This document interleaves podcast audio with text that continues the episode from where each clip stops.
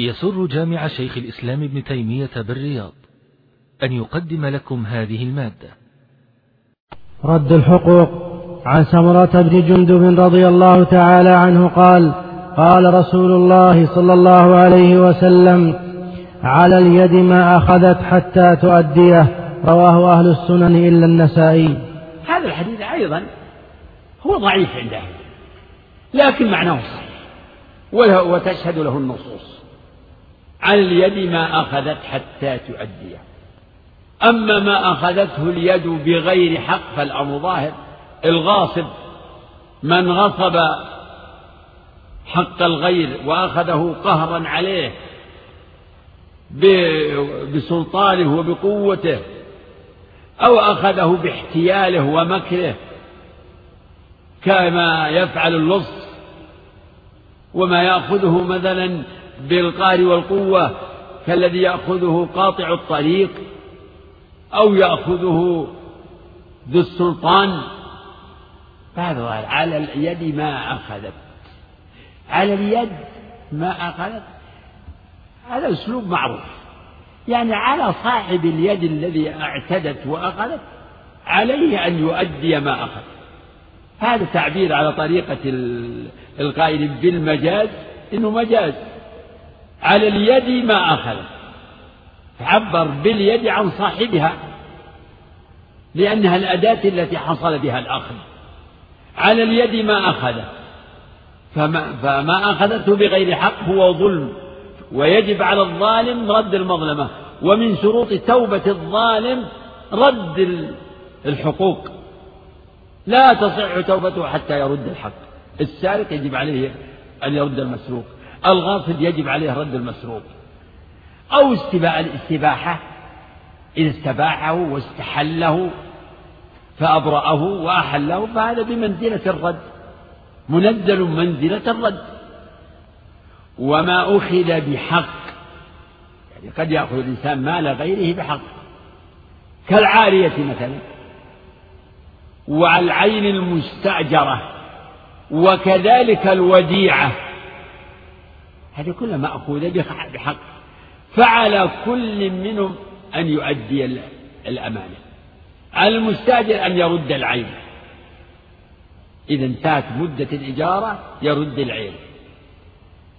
المستعير عليه أن يرد العين العارية إذا انقضى أو انتفع الانتفاع الذي قصد إليه وأعير من أجله. المودع كذلك عليه أن يرد الوديعة إذا طلبها صاحبها. على اليد ما أخذ. أما اليد الغاصبة الظالمة فإن تلفت العين عند الظالم من غاصب وسارق ومحتال ومنتهب فهي فهو ضامن لها بكل حال. على كل تقدير. ما يعتذر يقول والله مع الأسف تلفت. لا هو ضامن بكل حال. سواء اتلفها هو بنفسه أو تلفت عنده. تلفت عنده بقدر ما له فيها أي تدخل فهو ضامن أما ما أخذه الإنسان بحق مثل الوديعة والعين المستأجرة فهذه أمانة. وأهل العلم يقولون إن الأمين لا يضمن إلا إذا تعدى أو فرط فالمستأجر للعين؟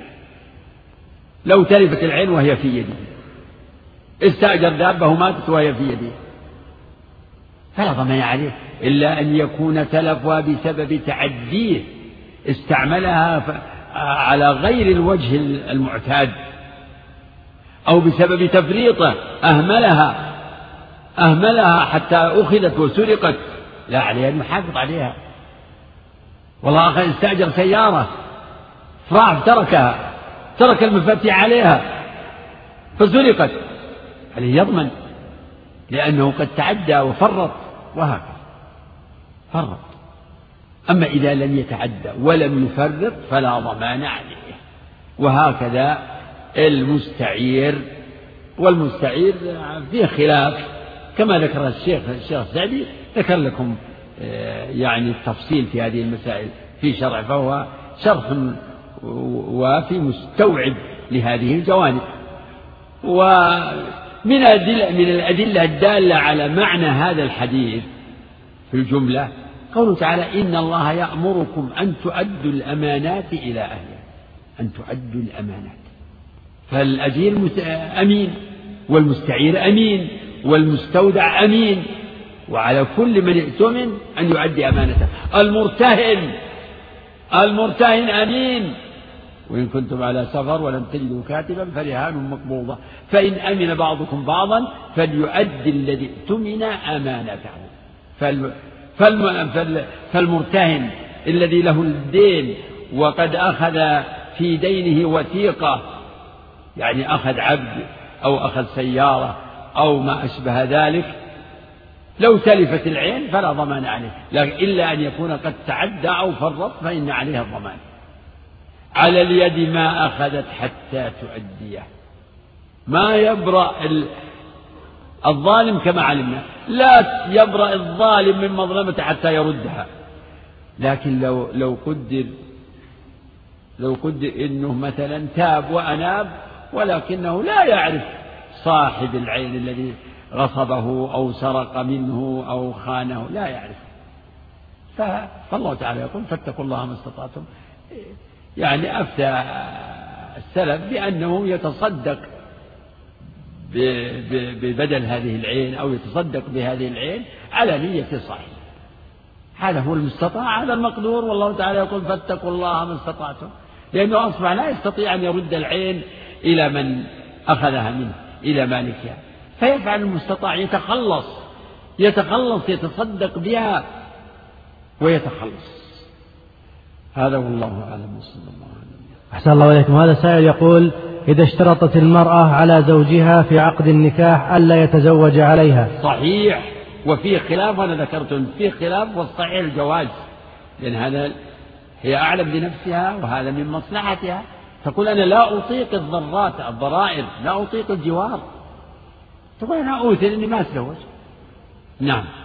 أحسن الله عليكم يقول من عادات القبيلة أنهم في الصلح يأتون بالطبول ويرقص الرجال. آه، فهل في ذلك آه، إحلالا لما حرم الله؟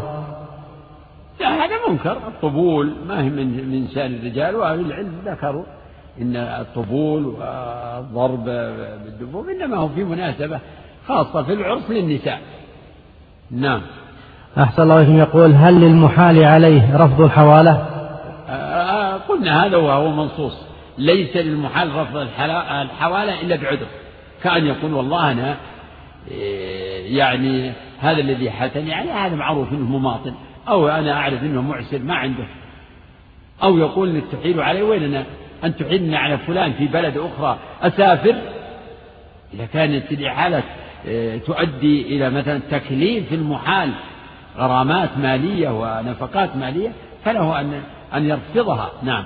أما إذا لم يكن شيء من هذا فليس له أن يمتنع. فليتبع فليحتل. نعم. أحسن الله لكم يقول رجل عليه دين توفي ولم يسدد دينه لعجزه فهل يسقط الدين عنه؟ لا يسقط الدين عنه بل هو باقي. لكن إذا كان كما في الحديث أخذ أموال الناس يعني يريد أداءها أدى الله عنه. فالله تعالى رحيم وكريم. نعم لا يسقط حتى عن المجاهد.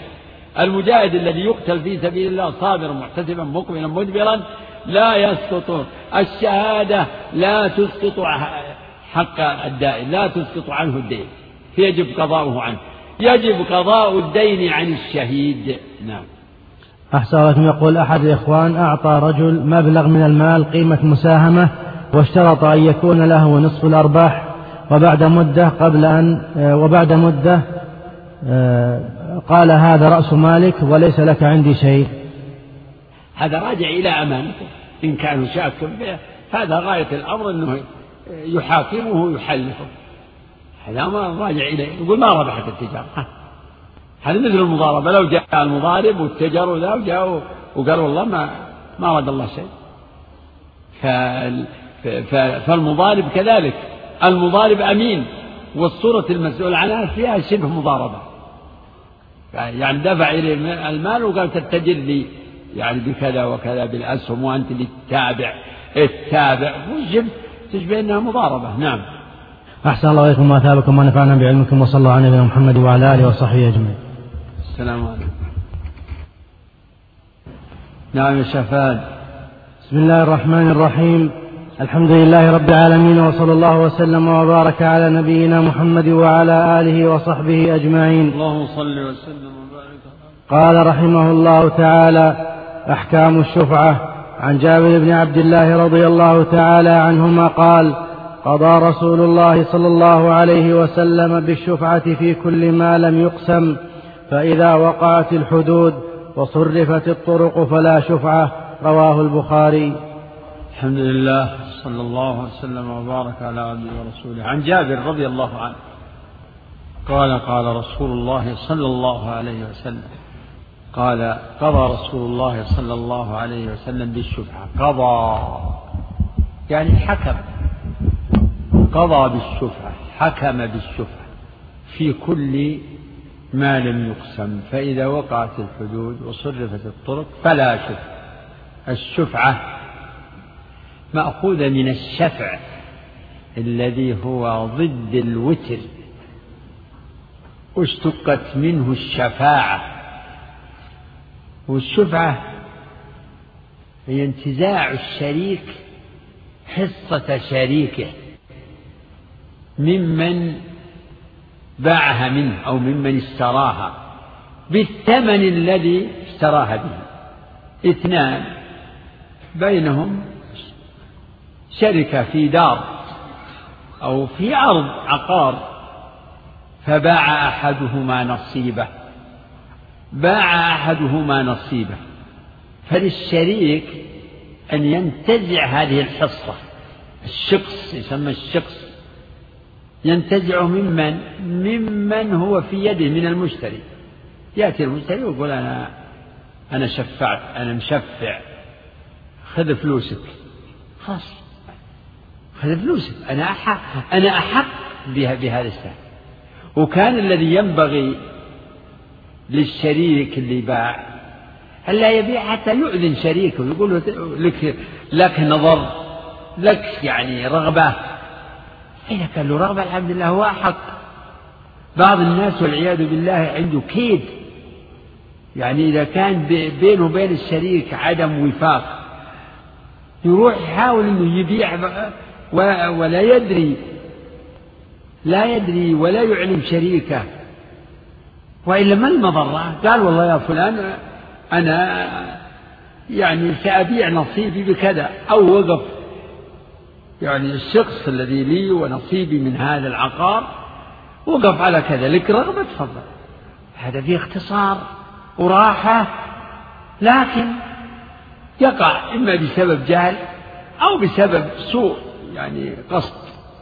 فجعل الله للشريك حق انتزاع الشخص. خلاص. هذا من حقه هذه من حقوق من حقوق الشركة من حقوق الشركة. قضى بالشفعة. يعني الرسول حكم بالشفعة للشريك على شريكه في كل ما لم يقسم. أما ما قسم انتهى أمره انتهى يعني بين اثنين أرض فقسماها هذا أخذ نصيبه حدد حدد. لكن الكلام قبل القسمة. يعني كانت الأرض مشاعة. لاحظ لابد أن تكون الأرض مشاعة. فإذا مثلا قسمت. قبل القسمة لو باع نصيبه ثبتت الشفعة للشريك. لكن لو قبل البيع قبل البيع قسماها. خذ هذه هذا نصيبك وحصتك. قد تكون أرض يعني موات ليس عليها بناء. وقد تكون يعني أرض عليها بناء دار كبيرة.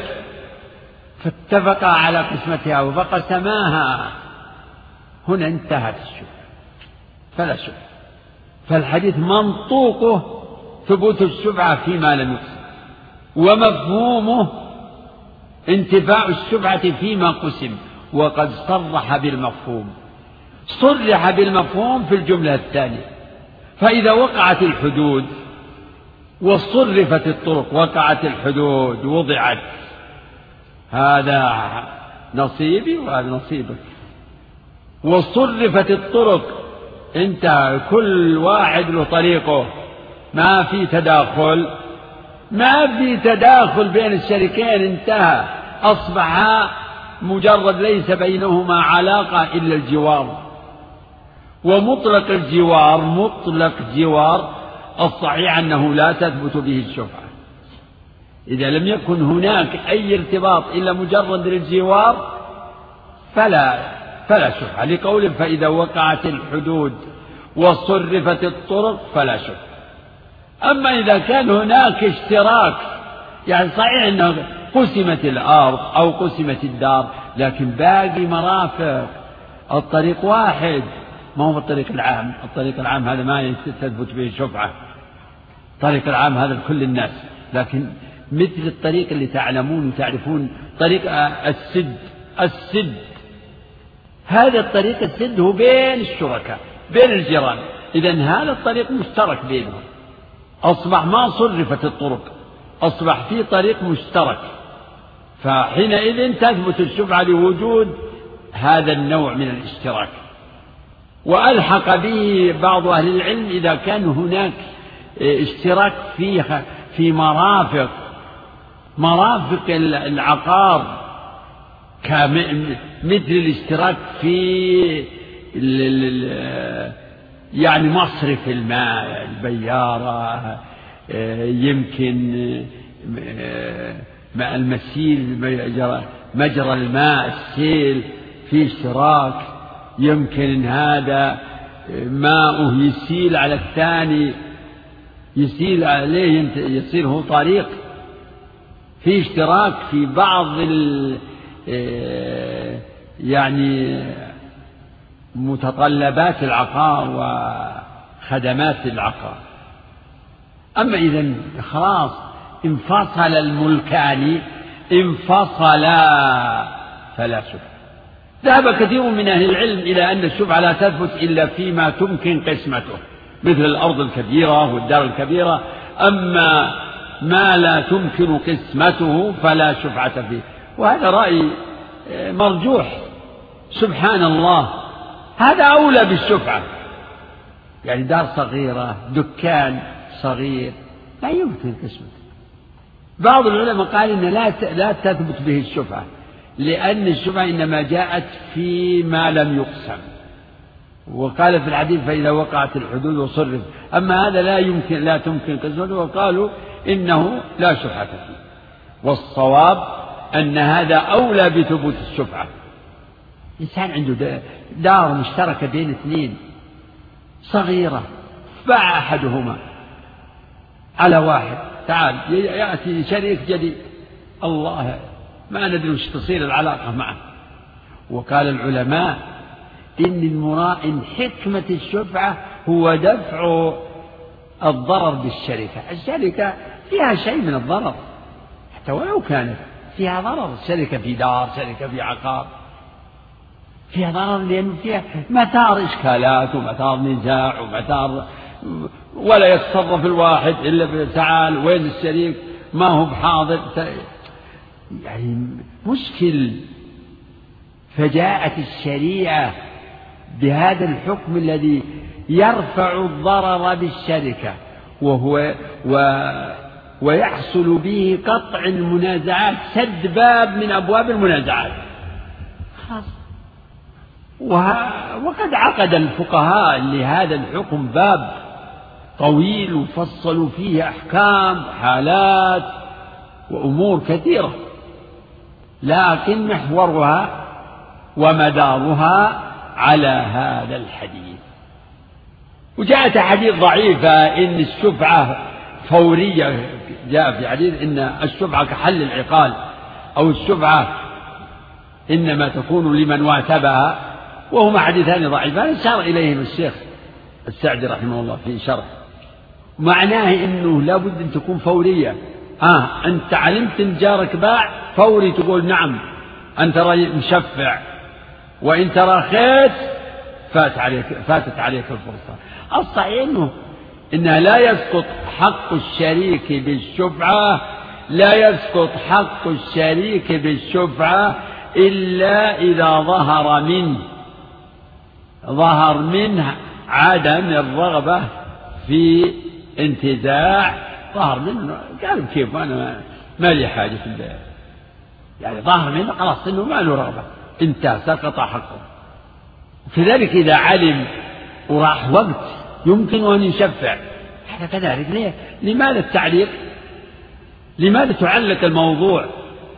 يعني يباع الشخص وتدري وتسكت تسكت تسكت يروح على المشتري المشتري يتصرف. وبناء على إنه ما عاد ما ما جاء إليه أحد. هذا فيه مضرة أيضا. لابد. يعني إنك ما تفوت. ممكن يصير لك مدة تنظر فيها شوي يوم يومين يمكن ثلاثة أيام نوع من التروي. تنظر في مصلحتك.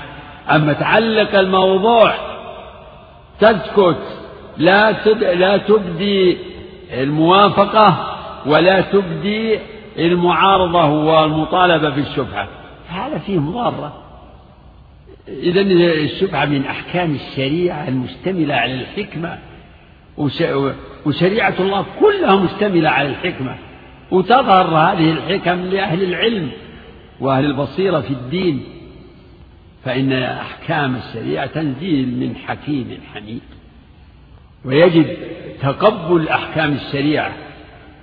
ولا يجوز معارضتها بالعقل والرأي يعني يمكن بعض الناس يقول هذا يعني اللي أوجب؟ هذا اشترى بماله وحلاله اشترى بماله وحلاله نقول نعم اشترى لكن هذا الشريك له حق وأولى منك يا فلان الأجنبي.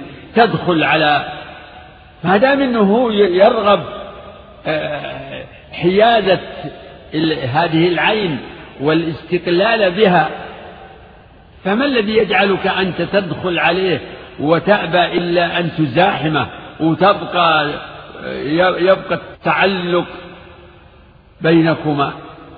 ففي ففي الشفعة يعني استقلال استقلالية بالملك. ودفع الضرر بالشركة. إذا إذا استقل الإنسان بالملك استطاع يتصرف يبني يبيع يتصرف. لكن إذا كان مشترك ما ما يستطيع. نعم. باب الشركة الصادقة. عن أبي هريرة رضي الله تعالى عنه قال قال رسول الله صلى الله عليه وسلم يقول الله تعالى أنا ثالث الشريكين ما لم يخن أحدهما صاحبه فإذا خانه خرجت من بينهما رواه أبو داود. هذا الحديث المعروف إنه ضعيف لكن معناه كما تقدم من جنس بعض الأحاديث المتقدمة معناه صحيح في الجملة. عن أبي هريرة رضي الله عنه أن رسول الله صلى الله عليه وسلم قال قال الله تعالى إذا هذا حديث قدسي. أنا ثالث الشريكين. ما لم يخن أحدهما الآخر. فإذا خان أحدهما الآخر خرجت من بينه أهل العلم يذكرون هذا الحديث يستدلون به على جواز الشركة والشركة جائزة في الجملة بالاتفاق وهي أنواع. يختلفون في بعض الأنواع. مذكورة شركة العنان وشركة المضاربة وشركة وجوه وشركة أبدان وشركة مفاوضة وأنواع من الشركة. وهذا التنويع هو شركة العقود. أما شركة الأملاك فهذه لا كلام الناس يشتركون. يشتركون في الأملاك.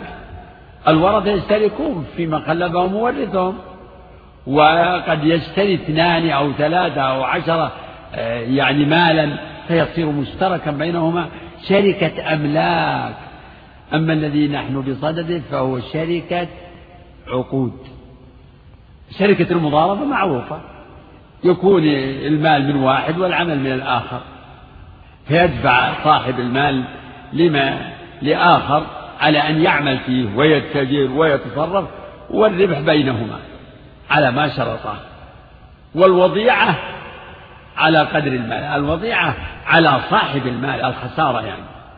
والواجب على ومما ومما ورد في شأن الشركة في القرآن ما جاء في قصة أصحاب الكهف فابعثوا أحدكم بورقكم هذه المدينة فليأتكم برزق منه وليتلطف ولا يشعرن بكم أحدا. وكذلك بعثناهم وكذلك بعثناهم كذلك بعثناهم. المقصود قالوا كم لبثتم؟ قالوا لبثنا يوما أو بعض يوم. قالوا ربكم أعلم بما لبثتم. فابعثوا أحدكم بورقكم هذه المدينة فلينظر أيها أزكى طعاما فليأتكم برزق منه. يعني هذا فيه اشتراك. اشتراك آه، الورق منهم. وهذه أشبه أن تكون آه، من نوع شركة الأملاك. لكن هي أصل. يعني من أدلة جواز آه، المشاركات. وقد ذكر شيخنا العلامة محمد الأمين الشنقيطي آه، يعني مسائل الشركة وأنواعها وأقاويل العلماء فيها عند تفسير هذه الآية. يعني باعتبار ما دلت عليه من اشتراك أصحاب الكهف في هذه الورق وفي الطعام الذي آه، يعني ندبوا أحدهم آه، لشرائه. ثم إن الشركة اشتراك في مثل هذا. يعني من أدلة الشركة يعني في الجملة المساقات والمزارعة. وقد ثبت أن النبي عليه الصلاة والسلام عامل اليهود بشطر ما يخرج منها من ثمر أو زر هذه نوع شركة وأشبه شيء بالمساقات والمزارعة المضاربة. ثم إن يعني الأصل هو إباحة العقود. فلا يحرم من العقود إلا ما حرمه الله ورسوله وإلا فالأصل الإباحة أما هذا الحديث لا يعني لا يعول عليه يعني لا يعول عليه في إثبات الحكم. لكن أهل العلم جرت عادتهم أنهم يستدلون على الحكم الصحيح يستشهدون له ولو بحديث ضعيف. ما دام معناه صحيح مثل ما تقدم على اليد ما أخذت حتى تؤديه. في الحديث قال الله أنا الثالث وهذا مسلم ما دام أن الحديث ضعيف. فغاية ما يقال يروى. يروى هذا الحديث وهو حديث قدسي. يروى أن أن الله تعالى قال أنا ثالث الشريكين.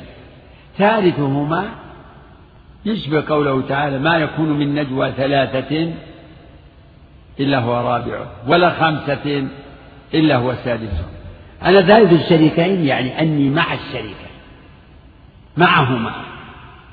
ومعلوم أن وهذا وهي تدل على المعية الخاصة والمعية الخاصة تقتضي يعني تقتضي ما ما يناسب تقتضي الرعاية والحفظ والتأييد والتوفيق. فقولوا أنا ثالث الشريكين يتضمن معية خاصة. فتتضمن هذه المعية توفيق الشريكين لحسن التصرف توفيقهما للربح في شركتهما. ما لم يكن أحدهما الآخر. فإن خان يعني يجب على الشريكين أن ينصح كل منهما للآخر فلا يختلس واحد منهما من مال الشركة شيئا. ولا. ولا يختص بشيء من الربح. ولا ولا ولا يحتال على شريكه ولا يجحد شيئا من مال الشركة. بأي صورة من صور الخيانة فيجب على الشريكين أن يكونا أمينين ناصحين. مثل ما تقدم البيعان بالخيار ما لم يتفرقا فإن صدقا وبينا بورك لهما في بيعهما. وكذلك الشريكين إن صدقا ونصحا. نصح كل منهما للآخر. بارك الله لهما في شركتهما وإن خان أحدهما الآخر أو كل منهما خان الآخر محق الله شركتهما وفي هذا الحديث فإن خان أحدهما الآخر خرجت من بينهما وهذا يكون كناية عن حرمانهما من معية الله الخاصة. المقتضية للتوفيق والبركة والنماء والصفاء والسعادة وهكذا. ثالث الشريكين ما لم يخن أحدهما الآخر. فإن خان أحدهما الآخر خرجت من بينهم. يعني تركتهما.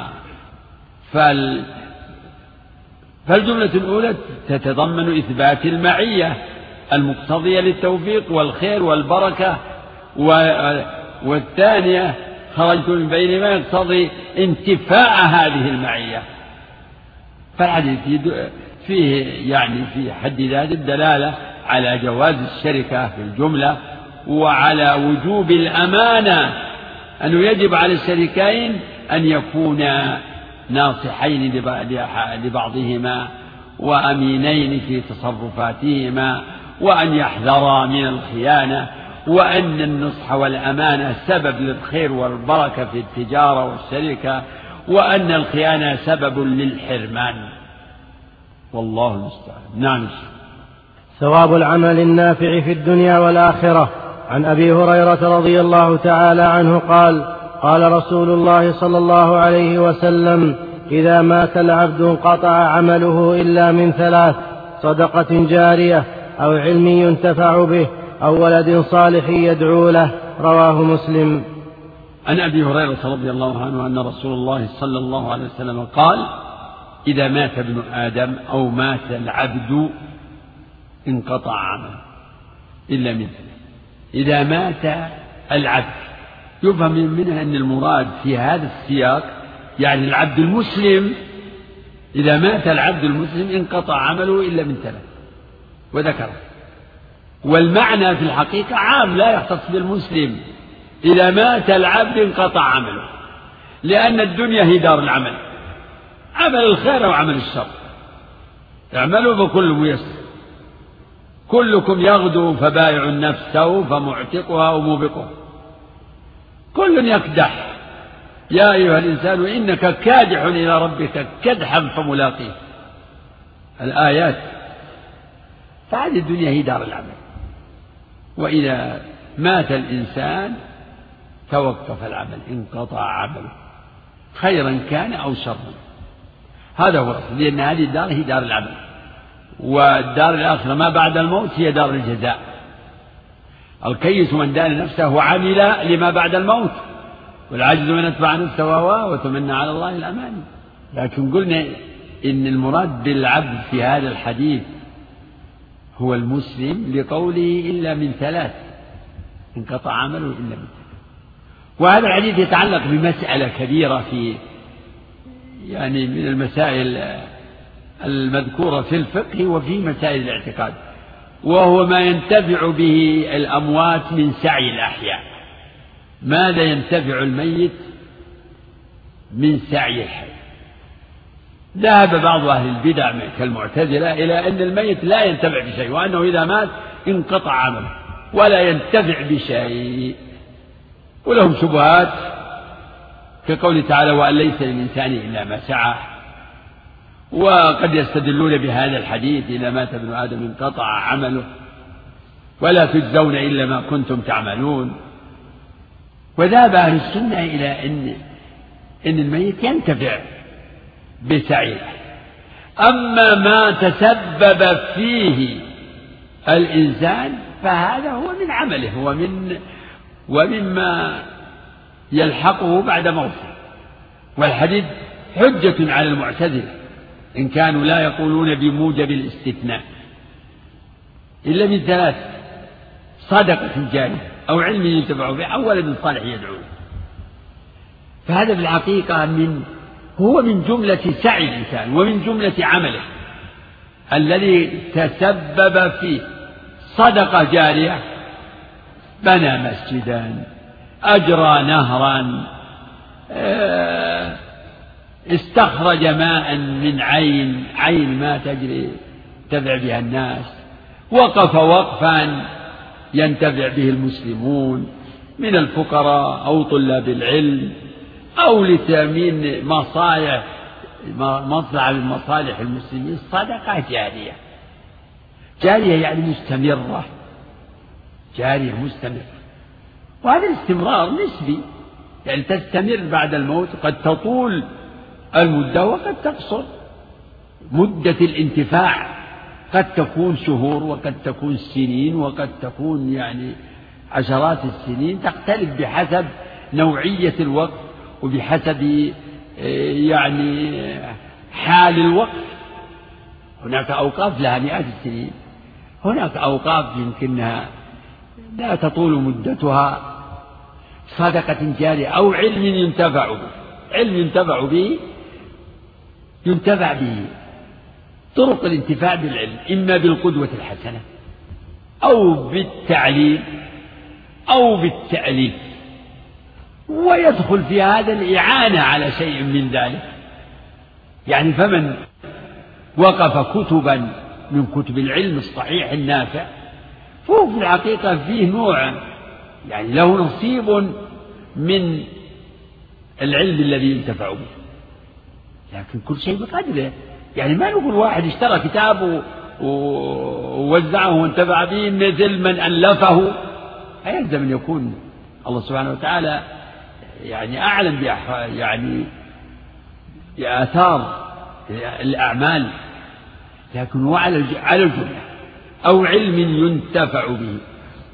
وكذلك مثلا التعليم والدعوة جاء في الحديث الصحيح من دل على هدى كان له مثل أجر من تبعه لا ينقص ذلك من أجورهم شيء في الحديث الآخر من سن في الإسلام سنة حسنة فله أجرها وأجر من عمل بها إلى يوم القيامة. ولنبينا صلى الله عليه وسلم مثل أجور أمته لأنه الداعي والمعلم الداعي لكل خير. الناهي عن كل شر المعلم لأمته.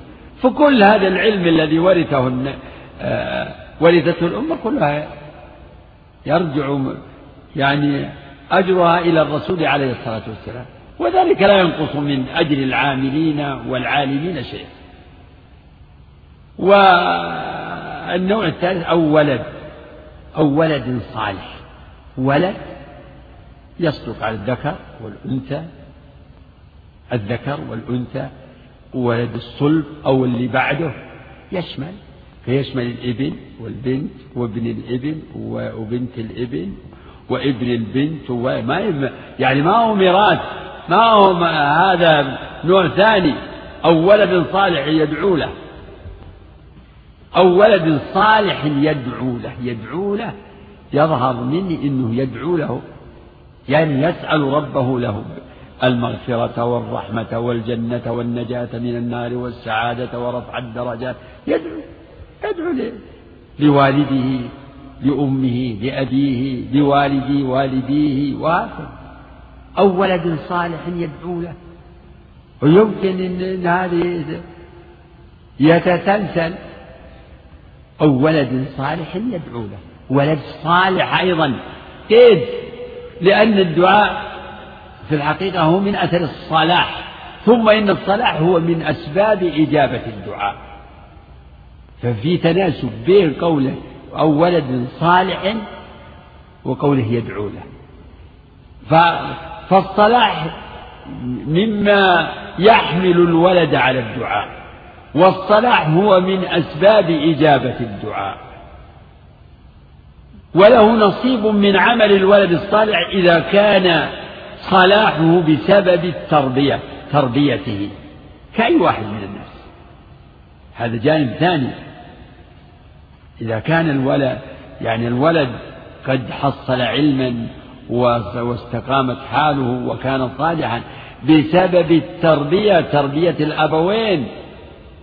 فإن لهم نصيب من أجل الولد الذي كان سببا في صلاحه وسببا في استقامته وسببا في آه، أعماله الصالحة.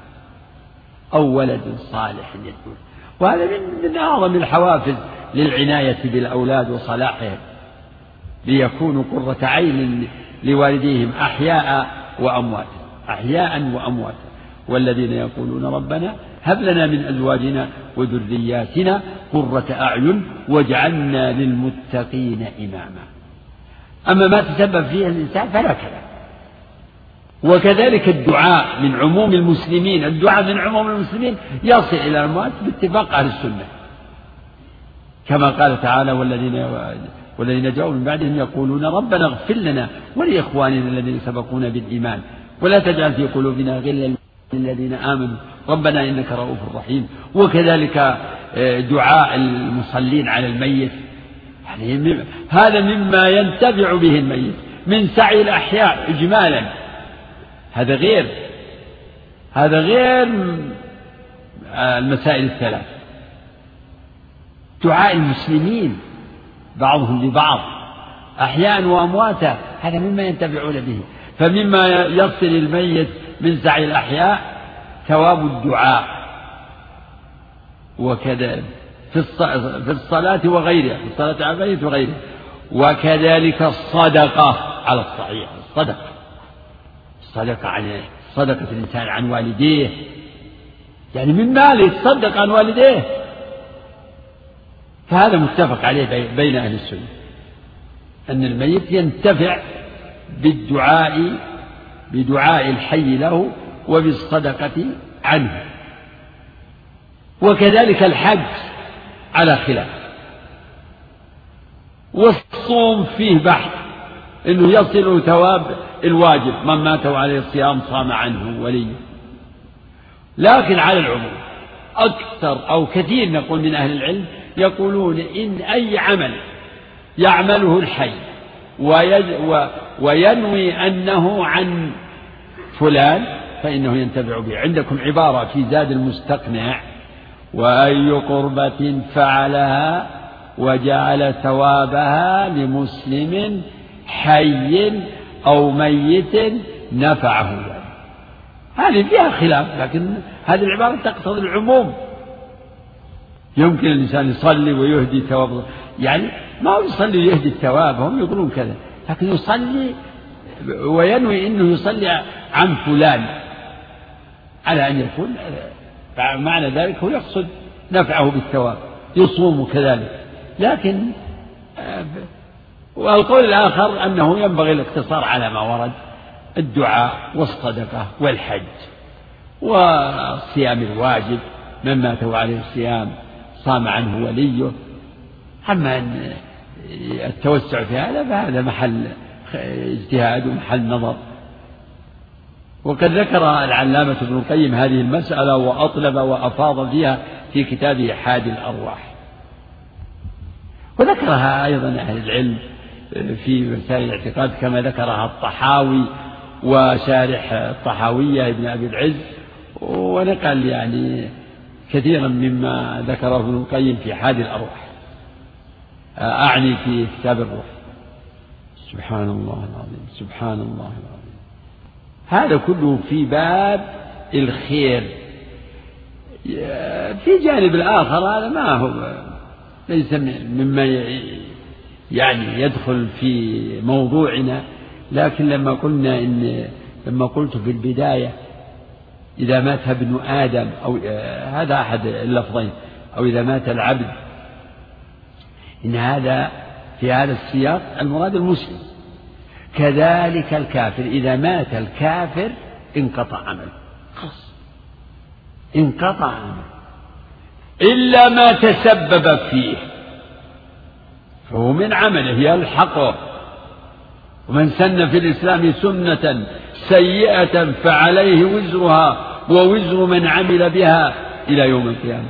وصح النبي عليه الصلاة والسلام أنه ما من نفس تقتل ظلما إلا كان على ابن آدم الأول كفل من دمها.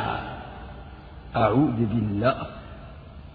ابن آدم آه، الأول لعله قابيل على ما ذكر. قابيل الذي قتل هابيل إلا كان على ابن آدم كفل من دنيا لأنه أول من سن القتل. وهكذا يعني الذين يؤسسون للفساد والشر عليهم مثل أوزار من تبعهم. وفي الله حديث نفسه من دل أو من دعا إلى ضلالة فعليه إثمها وإثم من عمل بها. لا ينقص من آثامهم شيئا سواء أيضا في الخير والشر في الخير والشر. ما تسبب فيه الإنسان يلحق بعد موته لأنه من عمله. فجعلناهم سلفا ومثلا للآخرين. ما يستوي واحد مثلا كافر قاصر على نفسه كفر وقاصر على نفسه ولا ولا سعى في إضلال أحد ولا نشر فساد ولا ألف مؤلفات ولا قام بدعايات. هذا لا لا يكون مثل إمام أئمة الكفر في أئمة أئمة دعاة. فكما أن الله قال وجعلنا منهم أئمة في بني إسرائيل وجعلنا منهم أئمة يهدون بأمرنا. لما صبروا وكانوا بآياتنا يوقنون. قال الله في المقابل في قوم فرعون وجعلناهم أئمة يدعون إلى النار ويوم القيامة لا ينصرون. وأتبعناهم في هذه الدنيا لعنة ويوم القيامة هم من المقبوحين. أعوذ بالله نسأل الله لنا ولكم العافية والثبات نسأله سبحانه وتعالى أن يحسن لنا ولكم الخاتمة. الله أكبر. فهذا فيه الترغيب في عمل الخير وتأسيس الخير والدعوة إلى الخير والتحذير من الدعوة إلى الشر وأن يكون الإنسان قائدا في الشر والعياذ بالله. فكما أن الأول لا ينقطع أجره يتبعه تتبعه الأجور كذلك الثاني لا تنقطع الأوزار عنه. لا نكتفي بارك أحسن الله عليكم هذا سائل يقول آه إذا وقعت الحدود وصرفت الطرق فهل للمرأة أن تشفع على زوجها؟ والله ما هو واضح سؤالك إيش معنى أن تشفع على زوجها؟ خلاص ما تشفع لا زوجها ولا غيرها يعني أنت تفرضها في عقار بين رجل وامرأته ثم قسم العقار واستقلت كل استقل كل منهما بنصيبه كذلك لا فرق بين أن تكون أن يكون الشريك رجل أو امرأة وأن تكون المرأة زوجة أو غير زوجة. بعده غير أحسن الله لكم هذا يقول حكم تسمية المسجد بالجامع. الأمر سهل. وجامع جامع. كل يوم يجتمعون فيه المسلمين. هذا أمر عادي سهل. أحسن الله عليكم يقول ما حكم رفع الصوت بالأذكار أو بتلاوة القرآن أمام الناس؟ جائز إذا صحت النية ولم يكن في رفع الصوت مفسدة وتشويش على المصلين والآخرين. جاء النبي عليه الصلاة والسلام أنه قال لا يجهر بعضكم على بعض. فإذا لم يكن هناك مضرة وصحت النية واحد يعني كثير من الأحيان يكون رفع الصوت أنشط. بعض الناس ما ينشط إلا إذا رفع صوته. وبعض الناس ما ينشط إلا إذا خفض صوته. طبعا الناس تختلف. نعم. أحسن لكم أسئلة كثيرة حول مسألة وصول الثواب في الأعمال ويريدون بسط الكلام فيها. لا اللي تيسر قلنا. وأنا عندي أن رأيي أنه ينبغي الاقتصار على المواد الدعاء والصدقة والحج والصوم الواجب كذا. أما مسألة أنك تقرأ سورة وتتوب ثواب هذا لا لا أقول به. لكن إذا الإنسان عمله عمل به بناء على آه، فتوى وكذا حد وكذلك الصلاة لا أقول أنه يصلي ركعتين لتكون لوالده أو لوالدته. ما جاء. ولا ولا عرف من من فعل السلف الصالح. والله أعلم. نعم. أحسن الله عليكم يقول يا شيخ هل للجار الشفعة على جاره؟ لا قلنا إنه الصحيح أنه لا شفعة إلا إذا كان بينهم اشتراك في مرافق. نعم. أحسن الله عليكم يقول ما معنى قوله ولا ينفع ذا الجد منك الجد. هذه العبارة جاءت في موضعين. جاءت داخل الصلاة وخارج الصلاة. جاءت في دعاء في في الذكر بعد الرفع من الركوع كما في حديث أبي سعيد. وجاءت في الذكر بعد الصلاة كما في حديث المغيرة. ولا ينفع ذا الجد. الجد هو الحظ والنصيب. لا ينفعه من الله أي لا ينجيه ولا يخلص. لا يخلص صاحب الجد جده. لا يخلص صاحب الحظ والسلطان. لا ينجيه من عذاب الله جده. يشبه لن تغني عنهم أموالهم ولا أولادهم. لا ينفعه لا ينفع ذا الجد ذا الجد يعني صاحب الجد. لا ينفع صاحب الجد منك. يعني لا يخلصه ولا ينجيه منك ولا ينجيه من عذابك جده سلطانه. لا يخلص صاحب الملك ملكه ولا صاحب المال ماله. نعم. أحسن الله بكم وتابكم فهم بكم السلام عليكم. نعم بسم الله. بسم الله الرحمن الرحيم. الحمد لله رب العالمين وصلى الله وسلم وبارك على نبينا محمد وعلى آله وصحبه أجمعين. قال رحمه الله تعالى التملك بالسبق. عن أسمر بن مضرس أن رسول الله صلى الله عليه وسلم قال من سبق إلى ما لم يسبق إليه مسلم فهو له. رواه أبو داود. الحمد لله وصلى الله وسلم وبارك على عبده ورسوله وعلى آله وصحبه.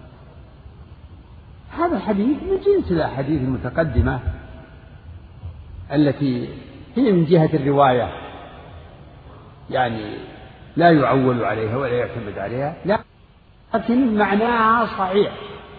تدل له الدلائل والأصول والقواعد. فهذا حق في هذا الحديث من سبق إلى سبق. يعني سبق غيره. سبق. سبق غيره. إلى ما لم يسبق إليه مسلم فهو له. هذا ما يعني هذا ليس في كل ما ما لم يسبق إليه. هذا يخرج عنه. يعني آه، أملاك الناس. لكن الناس لهم. وكذلك ما اختصوا به. فيبقى الشيء الذي لا, لا ملك لأحد عليه ولا اختصاص. ولا اختصاص. فمن سبق إلى المؤساء ويعبر عن هذا النوع بالمباحات. المباحات يعني اللي هي ما ليست لأحد. ليس لأحد عليها ملك ولا اختصاص. فمن سبق إلى شيء من ذلك فهو فهو له. ومن أول ما يدخل في ذلك الأرض المواد بعض المواد اللي ليست لأحد من سبق إليها وأحياها فهي له بنص الحديث الصحيح. صح عن النبي عليه الصلاة والسلام أنه قال من أحيا أرضا ميتة ميتة. معنى أن الماء ليست في أحد من أحيا أرضا ميتة فهي له. لكن إذا ولي الأمر منع من الإحياء إلا بإذن هذا صار شيء آخر. منع يعني لسبب إما ل يعني لقطع المنازعات لأن مثلا في بعض الظروف أو في بعض المواقع لو يجي يحيى واحد يجي إلى أرض يحيى جاء الثاني قال صارت منازعات.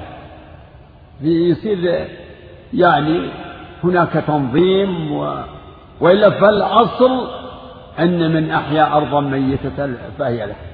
الأرض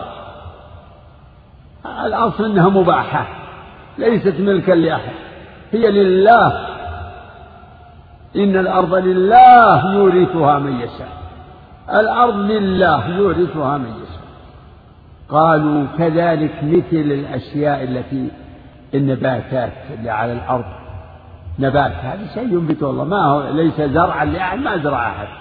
الأعشاب الحطب. هذه كلها مباحة. من سبق إلى شيء منها؟ من سبق إلى شيء من ذلك؟ وقبل غيره ما لم يسبق إليه مسلم فهو له.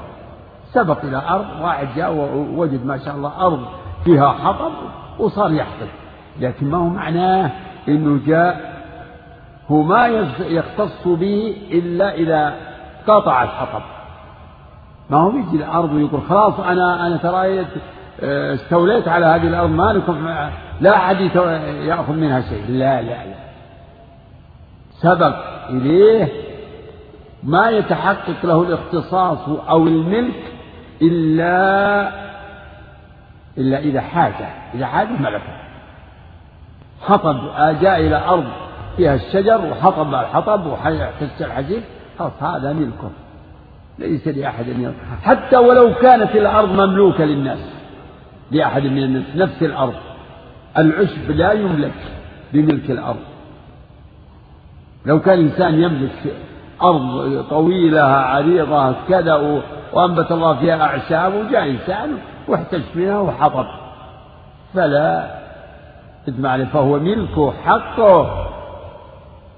لأن هذا الإنسان ليس له يد فيه ما زرعه ما بذره ما حرث الأرض. الأرض على حالها وأنزل الله المطر ونبت العشب ونبتت الأشجار فهي ملكه كذلك. الحطب والعشب وما أشبه ذلك. قال العلماء وكذلك مثل الصيد. الصيد مباح ما لأحد عليه ملك. ما لا ليس لأحد عليه ملك. الصيد اللي يعرف بأنه الصيد النوع كذا أنواع يقصدها الناس ويطلبونها في مظانها في مواقع. فهذا الصيد مباح. من سبق إليه يعني بالاصطياد. لكن كما قلت ما يجي واحد يقول أنا هذا الصيد اللي على الشجر لا هذا لي. مالك ما تدخل. لا أبدا لكن ينبغي أن يكون هناك يعني تفاهم ولا يكون هناك شحناء يعني واحد شاف الصيد ويبي يرجع ما يجي الواحد يتدخل ويتنازع وياه. فكل هذه من أنواع المباح الذي يملكه الإنسان أو يختص به بالسبق. ومثلوا كما ذكر الشيخ ذكر الشيخ عندكم ما شاء الله التفصيل حسن. مثل الأماكن ال ال يعني التي هي للجميع. يعني وإن كانت في ما هي على الأصل ما هي من نوع المواد لا. لكنها يعني مبذولة للناس كلهم. المساجد. المساجد بيوت الله ليس لأحد فيها اختصاص لا يجي واحد يقول والله هذا المكان هذا لي ما لأحد عليه فيها. والاحتجاج منكر. كون واحد يحط له شيء يقول هذا لي. لا يسبق بنفسه ما يسبق بخرقة ولا بعصا ولا ب... يعني بشيء آخر بكتاب لا. هذا كله مباح. فالسبق يكون بالمح يعني فهو أحق به المساجد. وكذلك الأوقاف. المبذولة للفقراء أو لطلاب العلم من سبق إلى شيء منه فهو أحق به فهو له. يعني له حق الانتفاع. يعني معروف أن السبق إلى إلى المساجد لا تفيد ملكا تفيد انتفاعا. ما دام الإنسان في مجلس فهو له. كذلك الأوقاف والضبط التي أسست مثلا لطلاب العلم إذا سبق أحد إلى شيء منها. لكن إذا كان عليها يعني مثل الأوقاف والربط إذا كان عليها ناظر فهو الذي له له النظر والتدبير والتقديم والتأخير بالعدل لا بالهوى. ومن شواهد هذا المقام ما جاء النبي عليه الصلاة والسلام أنه قال منى منى مناخ من سبق. المشاعر كلها هذه هي أيضا من هذا النوع. من سبق إلى مكان فهو أحق به. هذا هو الحق. ولكن الأمور الآن جارية على غير هذا المنوال على غير هذا الأصل. يعني جارية من بعض الوجوه يعني بناء على نظر صحيح ورعاية لمصلحة وبعض الأمور جارية على غير على غير الصواب. سبحان الله العظيم. من سبق إلى ما لم يسبق ما لم يسبق إليه مسلم فهو أحق به. ويظهر والله أعلم كلمة مسلمة ليس لها مفهوم. فإن الأمور المباحة لا يختص بها المسلم. كذلك مثل الخطأ ومثل الحديث لو لو سبق إليه كافر واحتطب هو له. أو ما سبق إليه واستقى واستقاه من البئر هو له. في الأمور الناس شركاء في ثلاثة في الكلى والماء والنار شركاء لكن إذا كان هناك أشياء يختص بها المسلمون فالسبق إنما يعتبر للمسلم المساجد هذه للمسلمين والمشاعر للمسلمين. فهذا فهذا الحديث معناه حق وصحيح وتشهد له الأدلة و وعليه أهل العلم. لا أعلم في ذلك نزاعا لأنها هذه الأمور ما ليس لأحد فيها اختصاص إنما هي للسابق. ويشبه هذا أيضا فيه مثلا الأمكنة التي يقصدها الناس. يعني كثير أنواع هذا على سبيل يعني إذا كان فيه مثلا أمكنة يستظل بها الناس فهي من هذا النوع. ما ما تجي الواحد سبق إلى ظل شجرة تقول له قم آه خلاص هو أحق به أو متشمس. أو الأسواق التي مثلا يقصدها الناس للبيع والشراء يعني مثل يسمونها المباسط يبسطون فيها. والعرف له دور في هذا. إذا كان هذا يعني هذا المكان يقصد الناس يبسطون فيه ويعرضون بعض السلع. خلاص. من سبق إلى شيء من هذا المكان المباح فهو أحق به. والعرف جاري في بعض الحالات إنه إذا سبق إليه وضع فيه آه، قماشه فما دام قماشه فيه سبق اولا اولا سبق ثم وضع فيه قماشه. يصبح محله يرتاده إذا جاب البضاعة يعرضها في هذا المكان. نعم بعد وعن ابن عباس رضي الله عنهما قال قال رسول الله صلى الله عليه وسلم ألحق الفرائض بأهلها فما بقي فهو لأولى رجل ذكر متفق عليه. بعده. حديثان الشيخ شرعهم وعن أبي أمامة الباهلي رضي الله تعالى عنه قال سمعت رسول الله صلى الله عليه وسلم يقول إن الله قد أعطى كل ذي حق حقه فلا وصية لوارث رواه أبو داود والترمذي وابن ماجه. إن الله تعالى قسم الميراث بحكمه وفصل ذلك في ثلاث آيات من القرآن. كلها في سورة النساء آيتان في أولها والثالثة في آخرها. وتعرف بآيات المواريث يوصيكم الله في أولادكم إلى آخر الآية هذا في ميراث الأولاد والأبوين. ولكم نصف ما ترك أزواجكم إلى آخره في ميراث الزوجين والإخوة لأم يستفتونك قل الله يفتيكم في الكلالة إلى آخر الآية في ميراث الإخوة الأشقة أو لأب. وبعض المواريث بينتها السنة. ولهذا في حديث أبي أمامة رضي الله عنه قال قال رسول الله صلى الله عليه وسلم إن الله قد أعطى كل ذي حق حقه. يعني في الميراث أعطى كل ذي حق حقه قسم الميراث بين عباده. قسمة ما مصدرها العلم والحكمة. الله ختم الآية الأولى بقوله إن الله كان عليما حكيما. والثاني بقوله والله عليم حليم. والثالث بقوله والله بكل شيء عليم. هذه قسمة صادرة عن كمال العلم وكمال الحكمة.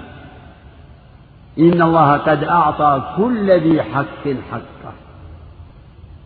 لم يكل أمر المواريث إلى الناس لو كان ذلك لعظمت المصيبة وعظمت المحنة بالشقاق والنزاع إن الله فصل فيها. فصل فيها. ليس لأحد مقالة وليس لأحد التدخل. تلك حدود الله.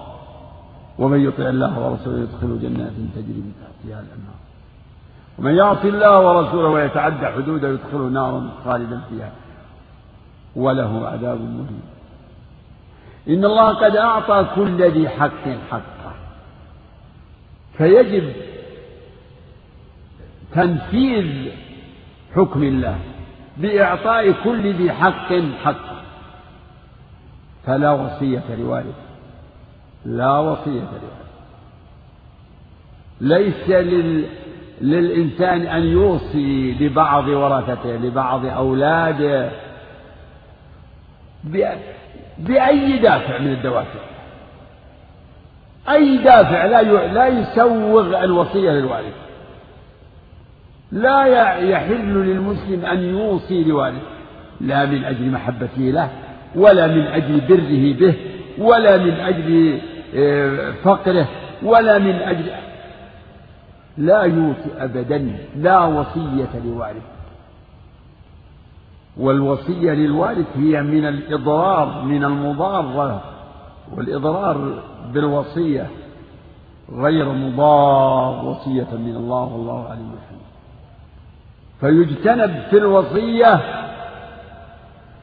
أمران الوصية للوارث والوصية بأكثر من الثلث. فمن أوصى لوارث فوصيته باطلة. إلا إن أجازها الورثة أصحاب الحقوق فهذا إليهم إن تنازلوا وأمضوها بعض أهل العلم يقول إنها تصح وبعض أهل العلم يقول هي باطلة من الأساس وإجازة الورثة كأنها هبة منهم. وكذلك الوصية بأكثر من الثلث. لا لا تمضي ولا تصح إلا بالإجازة. إذا أجازها الورثة عن طيب نفس يجب أن يلاحظ هذا عن طيب نفس لا عن يعني إكراه وإحراج وإلحاح كما يقع من بعض الناس يلحون على مثلا على بعضهم على إنه يتنازل على إنه يتسامح على إنه يجيز هذه الوصية لا لا يحل مال امرئ مسلم إلا بطيب نفس. وقوله سبحانه وتعالى كتب عليكم ألو... كتب عليكم إذا حضر أحدكم الموت إن ترك خيرا الوصية للوالدين والأقربين بالمعروف. قال كثير من العلم إن هذه الآية منسوخة. وقال بعضهم لا إنها ليست منسوخة لكن هي محكمة في الوالدين والأقارب غير الوارثين. فتقيد هذه الآية بالحديث. تكون مخصوصة. مخصوصة بمن لم يرث من الوالدين قد لا يرث الوالدين بسبب وقد ي... وقد تتناول الآية الجد والجدة. قد لا يكونان وارثين قد يكون وقد لا يرثان لمانع من موانع الإرث. أما حديث ابن عباس رضي الله عنهما أن رسول الله صلى الله عليه وسلم قال ألحق الفرائض بأهلها فما بقي فلأولى رجل ذكر. هذا أصل من أصول أحاديث الأحكام وهو يتعلق بالمواريث فهو أصل من أصول أدلة أحكام المواريث. الله تعالى قد بين حقوق الوارثين بين ميراث الأولاد بنين وبنات ومختلطين.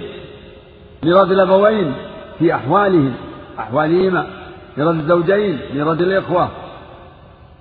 الإخوة لأم والإخوة لأشقة والإخوة لأب وهنا في الحديث ألحق الفرائض. الفرائض.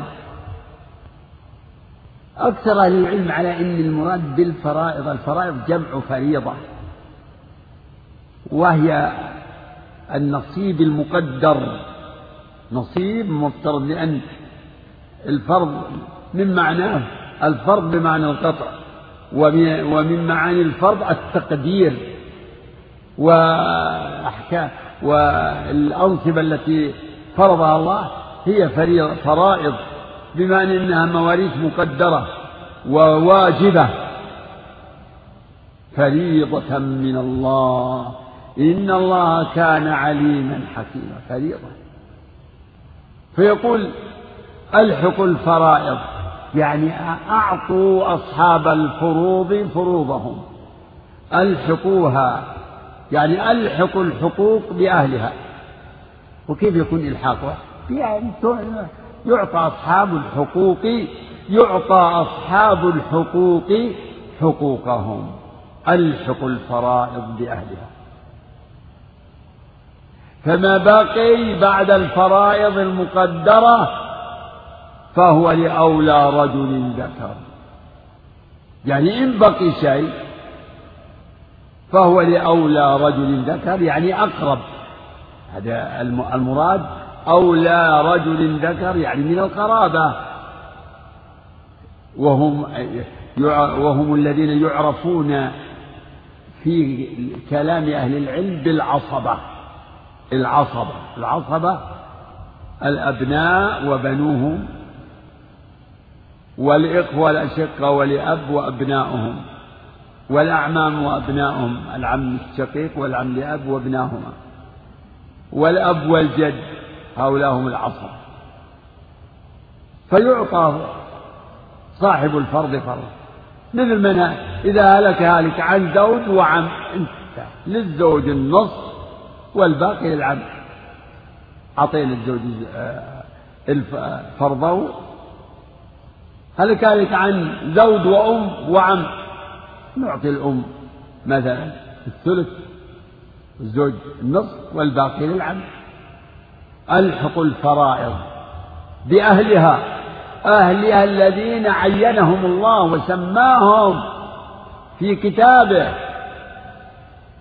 ألحق الفرائض بأهلها. فما بقي أي بعد الفرائض؟ فهو لأولى رجل أي لأقرب رجل ذكر. وقال بعض أهل العلم إن قوله ألحق الفرائض المراد به ما بينه الله في كتابه من المواريث سواء كانت يعني سواء كان من قبيل سواء كان مقدرا أو غير مقدر. ألحق الفرائض بأهلها. يعني أعطوا أصحاب المواريث الذين بينهم الله وذكرهم. أعطوا أصحاب المواريث حقوقهم.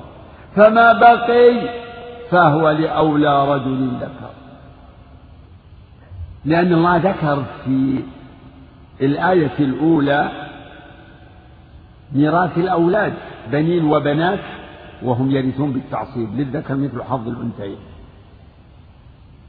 وذكر في الآية الأخيرة من سورة النساء ميراث الإخوة الأشقة أو لأب الأشقة أو لأب يعني ذكورا محضا أو مختلطين. وإن كانوا إخوة رجالا ونساء فللذكر مثل حظ الأنثيين.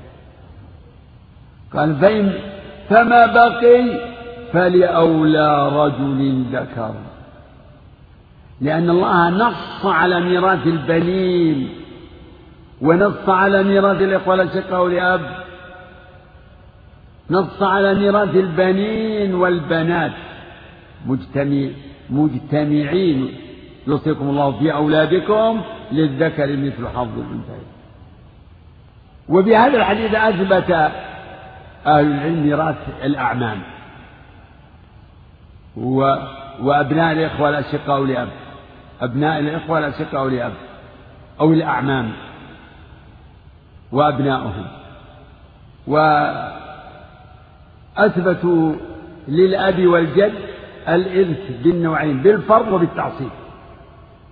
فإذا هلك هالك مثلا عن بنت وأب فللبنت النصف بنص القرآن وللأب السدس بنص القرآن ويبقى اثنان من ستة. لمن؟ للأب. فيرث حينئذ يرث السدس بالفرض ويأخذ الباقي بالتعصيب. يأخذ السدس بالقرآن ويأخذ الباقي بالسنة ويأخذ الباقي بالسنة بهذا الحديث ألحق الفرائض بأهلها فما بقي. فيأخذ السدس بالقرآن. ولأبوين كل واحد منهم السدس مما ترك إن كان له ولد.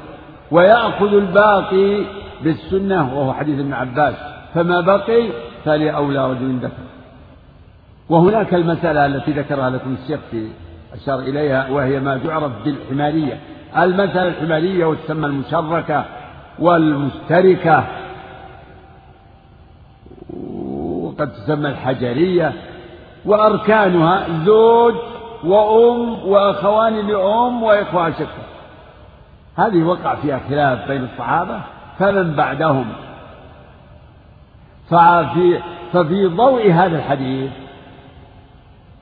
الزوج له النصف والأم لها السدس بنص القرآن الزوج له النصف لأنه يعني ليس هناك فرع وارث ليس لامرأة أولاد. وللأم السدس لوجود الإخوة الأشقة ولأب ولأم. وللأخوين لأم الثلث بالقرآن. ولو فإن كانوا أكثر من ذلك فهم شركاء في الثلث. انتهت القسمة للزوج. يعني أصل المسألة من ستة للزوج ثلاثة النصف وللأم واحد السدس وللأخوين لأم الثلث اثنان. فيسقط الإخوة الأشقاء.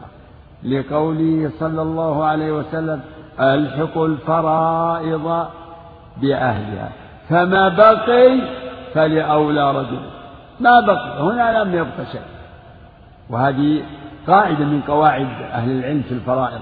إن العاصب من أحكامه أنه إذا انفرد أخذ جميع المال. وإذا كان مع صاحب الفرض أخذ ما بقي. وإذا لم يبق شيء سقط. هذه أحكام العاصب وعلم الفرائض علم قائم بنفسه أفرده العلماء أفردوه بالمصنفات. يعني علم الفرائض الآن يذكر ضمن أبواب الفقه ويذكر في في دراسات ومؤلفات منفردة. وهذا هو الصحيح. يعني المثل الحمارية أو المشتركة. فيها قولان مذهبان. هذا أحدهما أن الإخوة الأشقة يسقطون والقول الثاني أنهم يشاركون إخوان إخوتهم لأم وهذا ضعيف مرجوح. وسميت حمارية وحجرية ويمية لأنه وقعت في عهد عمر رضي الله عنه. فجاء الإخوة الأشقاء وقالوا نحن وهؤلاء يعنون إخوتهم الإخوة الأم نحن وهؤلاء كلنا نشترك يعني ندلي إلى الميت بالأم. على ندلي إلى الميت بالأم. وأما أبونا فخلوا خلوا خلوا خلوا عنكم. افرض إنه كان حمارا ما عندنا شغل فيه. في بعض الروايات افرض انه حجر مرمي في البحر.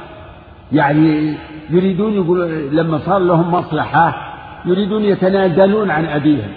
ما لنا شغل. المهم لأنه قد تكون أحيانا يمكن المال كبير. يعني افرض ستة ملايين. ستة ملايين للزوج ثلاثة وللأم واحد باقي مليونين. يعني غنيمة كبيرة. فقال بعضهم هب يعني افرض أن أبانا كان حمارا.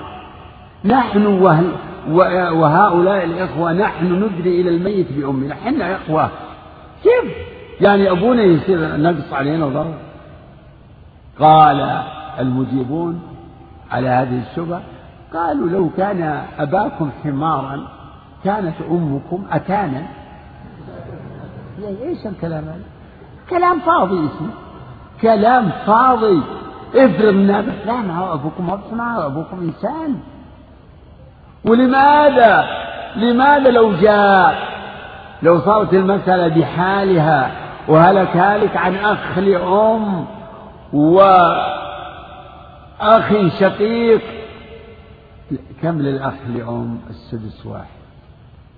واحد من ستة. وخمسة أخماس لو فرضناها كما قلنا ملايين صار لهذا مليون فقط وللأخ الشقيق كم؟ خمسة ملايين. لماذا ما تتنازل يا شقيق وتقول أنا وأخي كلنا أمنا واحدة ونشترك والخير كثير والحمد لله؟ لا. بس هي جاءت الشبهة لما صاروا صار يعني حالهم في تلك الصورة أنه يؤدي إلى سقوطهم ولا هم في أكثر الصور أكثر الصور يغنمون. يغنمون. الإخوة الأشقة يغنمون. يغنمون كثير. لو هلك هلك عن عن عن من؟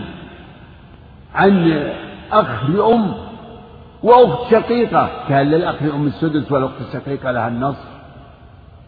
وكما قلنا لو كان أخ لأم وأخ شقيق كان الباقي كله خمسة أسداس للأخ الشقيق.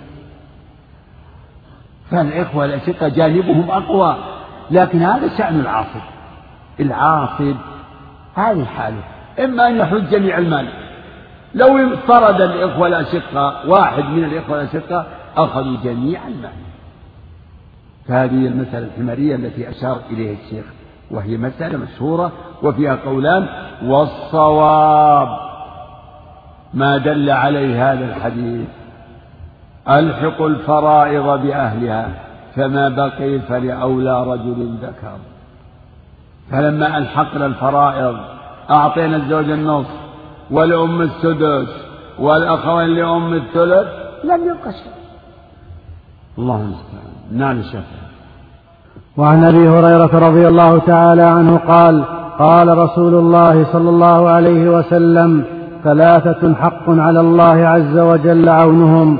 المكاتب يريد الأداء والمتزوج يريد العفاف والمجاهد في سبيل الله. رواه أهل السنن إلا النسائي. الله المستعان. هذا الحديث فيه الترغيب في هذه الأمور الثلاث ثلاثة حق على الله. الرسول يخبر بأن بأن هؤلاء الثلاثة حق على الله عونهم. يعني حق على الله أن يعينهم. فهم موعودون من الله على لسان رسوله موعودون بماذا؟ بالعون. المجاهد موعود بالعون. الله يعينه ويصبره ويسدده وينصره على العدو. المجاهد. المجاهد في سبيل الله. هذا هو أفضل الأصناف الثلاثة. مجاهد في سبيل الله. يريد إعلاء كلمة الله. يريد نصر دين الله. يريد إذلال الكافرين. مجاهد. والمكاتب. والمكاتب. يعني يمكن تقول مكاتب اسم مفعول أو تقول مكاتب اسم اسم فاعل. والمكاتب هو العبد الذي يشتري نفسه من سيده. والذين يبتغون الكتاب مما ملكت أيمانكم فكاتبوهم. الله يندب السادة إنهم إذا رغب أحد مما ماليكهم بالمكاتب إنهم يتيحون لهم الفرصة. فكاتبون إن علمتم فيهم خيرا يعني إن علمتم فيهم رشدا وصلاحا في دينهم ودنياهم وقدرة على يعني مؤنة أنفسهم يعني يكون ما يكون عالة. مكاتب يريد الأداء. يعني يريد أن يسدد دين الكتابة وهذا يعني من مصارف الزكاة. المكاتب يريد الأداء المكاتب هو من مصارف الزكاة يعان. وهذا من العون الإلهي. من العون الإلهي أن المكاتب يعطى من الزكاة لقضاء دينه. المكاتب يريد الأداء. والمجاهد في سبيل الله. المكاتب يريد تحرير نفسه. يريد تحرير نفسه يريد أن يصير حرا يصير إنسان مثل الناس يتصرف ويبيع ويشتري ويتزوج ويصير مثل الناس. الحرية كرامة الحرية. لكن الرق حكم الرق حكم شرعي. من ينكره فهو كافر. حكم معلوم من دين الإسلام بالضرورة الرق هذا الذي ينكره الكفرة والجهلة. الرق وأحكام الرقيق منصوصة في القرآن إلا على أزواجهم أو ما ملكت أيمانهم. إلى غير ذلك والذين يبتغون الكتاب مما ملكت أيمانكم. الثالث ناكح يريد العفاف متزوج يريد العفاف يريد بزواجه العفاف. يريد أن يعف نفسه عن الحرام. وهذا يفيد التنبيه على حسن الإرادة في في الزواج. يعني لا يكون الهم مجرد يعني مجرد قضاء الوطر. يعني قضاء الشهوة بس إشباع الرغبة. يعني في صنف من الناس وهم كثير. يتزوج من أجل أنه يبني بيت ويصير له أولاد ويصير مثل الناس وما عنده يعني ما عنده يعني نظرة إلى قضية أن يعف نفسه ويحصن نفسه ويحصن زوجته لا ما ما ما يفكر. يعني يمكن يعني كثير من المتزوجين يمارسون فاحشة الزنا يزنون ما ما تكفهم يعني ولا تعفهم زوجاتهم ما يستعفون بها بهن بل يزنون ويتركون الحلال إلى الحرام. ولهذا يريد العفاف. وقال سبحانه وتعالى أن تبتغوا بأموالكم محصنين. يعني تريدون الإحصان تبتغون تطلبون النكاح بالأموال. وحل لكم ما وراء ذلكم. أن تبتغوا بأموالكم محصنين غير مسافحين ولا متخذ أخدام في الآية الأخرى وناكح يريد حق على الله ثلاثة حق على الله. حق كلمة حق تريد تدل على الوجوب. تدل على الوجوب. يعني واجب على الله عونهم. لكن هذا من الوجوب الذي هو من الله أوجبه على نفسه. الرسول أعلم الخلق بالله يخبر يخبر بأن الله أحق على نفسه عون هؤلاء الثلاثة. حق على الله عونه. واجب على الله عونه. فإذا كان المخبر هو الرسول عليه الصلاة والسلام علمنا أن الله أوجب على نفسه عون هؤلاء. عون المجاهد والمكاتب الذي يريد الأداء والناكع المتزوج الذي يريد العفاف يريد تحصين نفسه عن الحرام وتحصين زوجته. فهؤلاء حقيقون بالعون. الله تعالى أحق على نفسه أن يعينهم.